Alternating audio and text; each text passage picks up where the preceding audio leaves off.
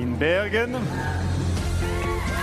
Lysverket, Kristoffer Ottoftad. Hvordan får man en Michelin-stjerne? Eh, hadde jeg visst det, så hadde jeg fått den for mange år siden. Han løy på CV-en og fikk jobbe på en av USAs fineste restauranter. 16 år senere er han mesterkokk i Bergen. Hvordan klarte han det? Jeg er Anna Magnus.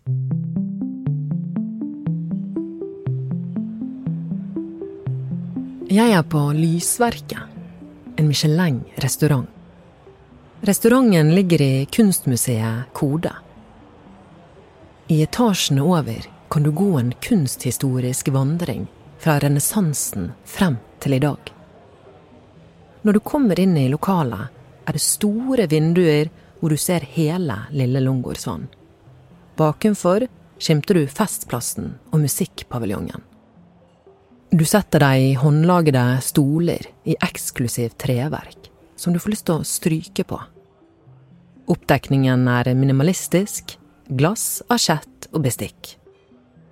Og midt i lokalet, er chambré separé av glass og treverk, sitter den 42 år gamle mesterkokken Kristoffer H. Tuft og spiser frokost. Den, eh, jeg stekte en hel kylling hjemme, og så tok jeg med meg et lår.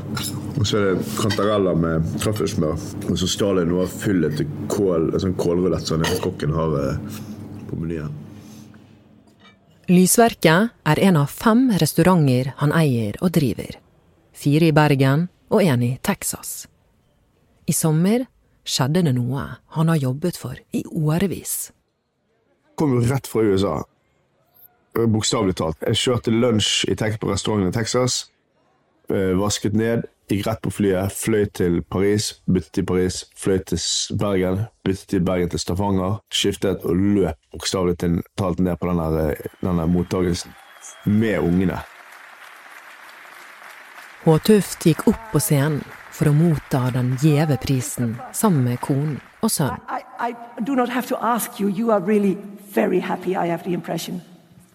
Of course, of course. I mean, after a couple of hard years, we can't take any of this uh, for granted. So Yeah. I think it's a, it's an extra nice year to get a to get the star for me. Yeah. Congratulations to you and for your great hard work and your team. Wonderful.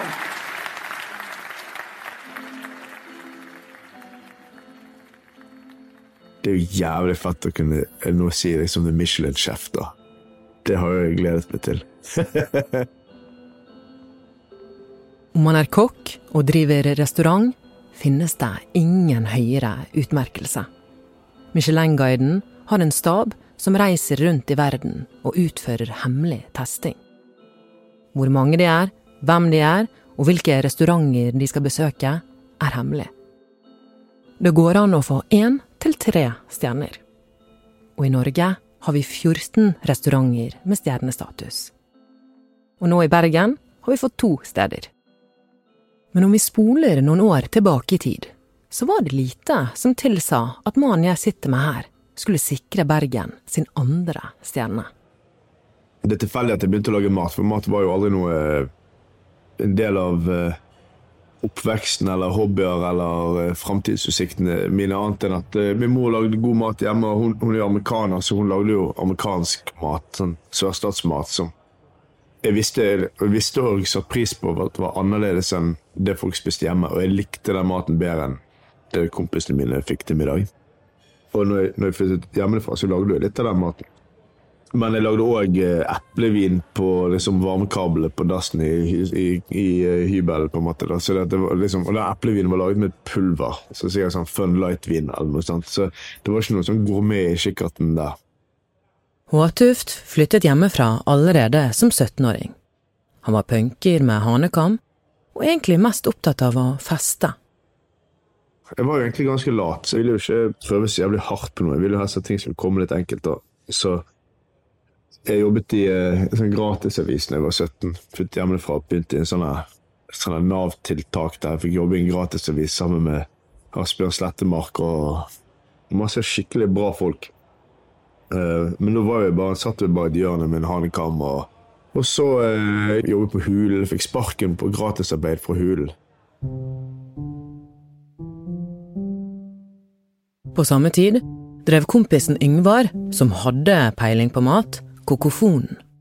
Et konsept hvor han dro rundt til studenter og lagde mat sammen med dem. Og Tuft var av og til med for å ta bilder av maten. Kompisen fikk tilbud om å bli matskribent i Bergens Tidende. Han takket nei, men anbefalte BT å gi jobben til H. Tuft. Og så fikk jeg den jobben. Og begynte å skrive om mat uten å ha noe peiling på en måte. Jeg måtte researche alt jeg skrev, og hadde ingen peiling på noen ting. På en sånn måte så gjør at hvis jeg helt på noen oppskriftene hvis jeg leser det i dag, så tenker jeg hva i all verden, det går umulig. Det er jo sånn logiske feil sikkert som jeg, som jeg ikke catchet da, for jeg hadde sikkert ikke laget maten engang. sant?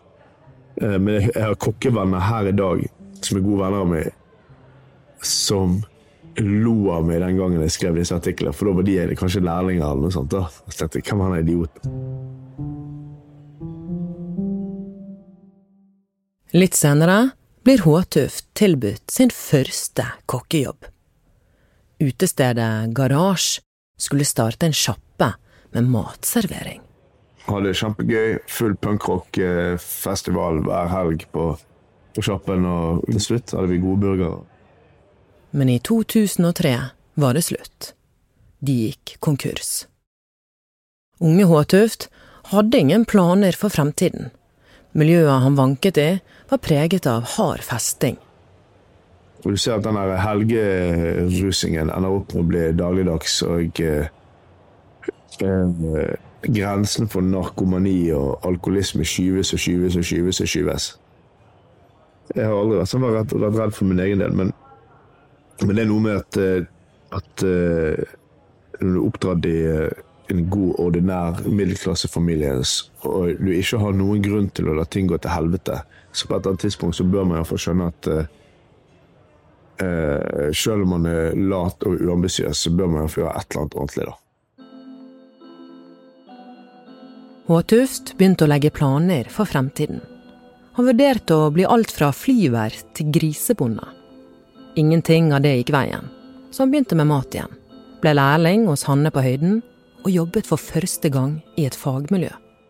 Jeg tror kanskje jeg kan si at jeg ble sånn, ikke besatt av det, men jeg, men jeg gikk i hvert fall ordentlig, ordentlig, ordentlig inn i det.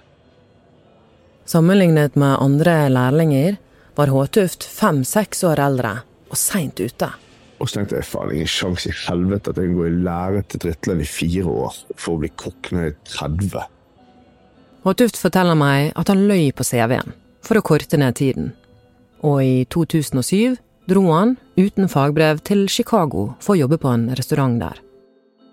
Året etter dro han videre til New York på jakt etter en jobb i en ny, prestisjetung restaurant.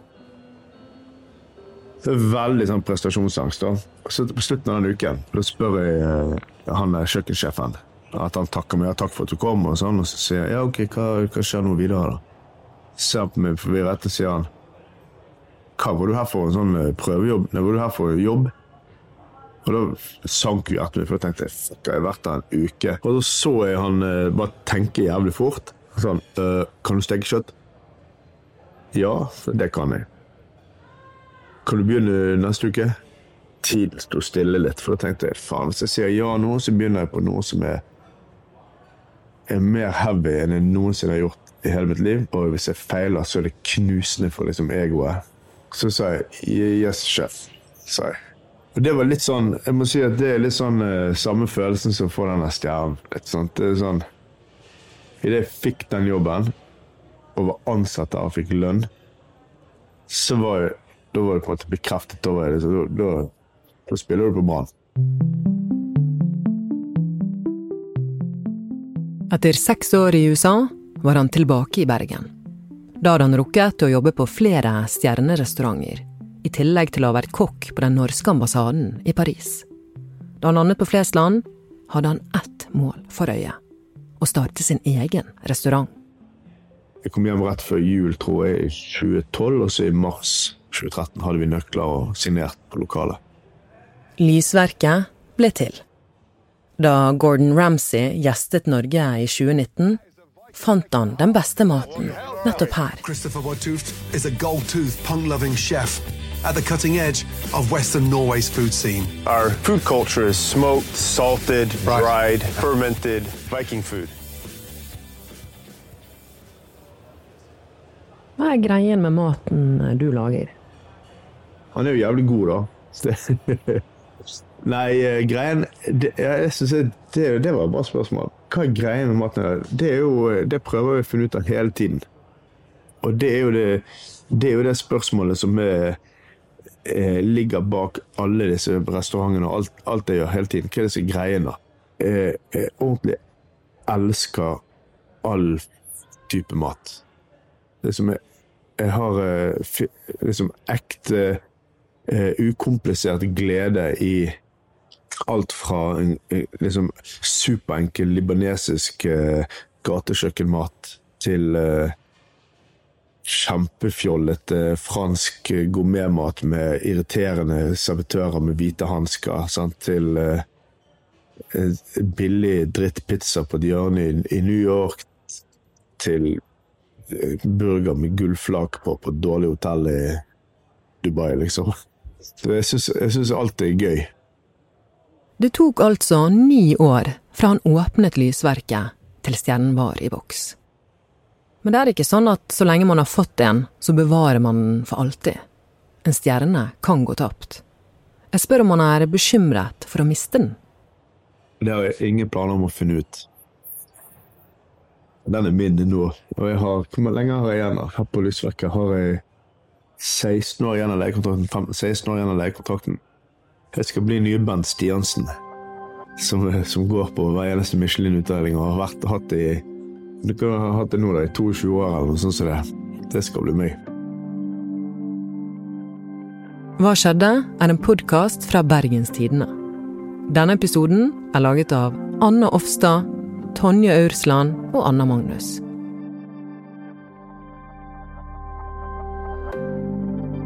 Du hørte lyd fra sendingen til Michelin-guiden i 2022 og National Geographic.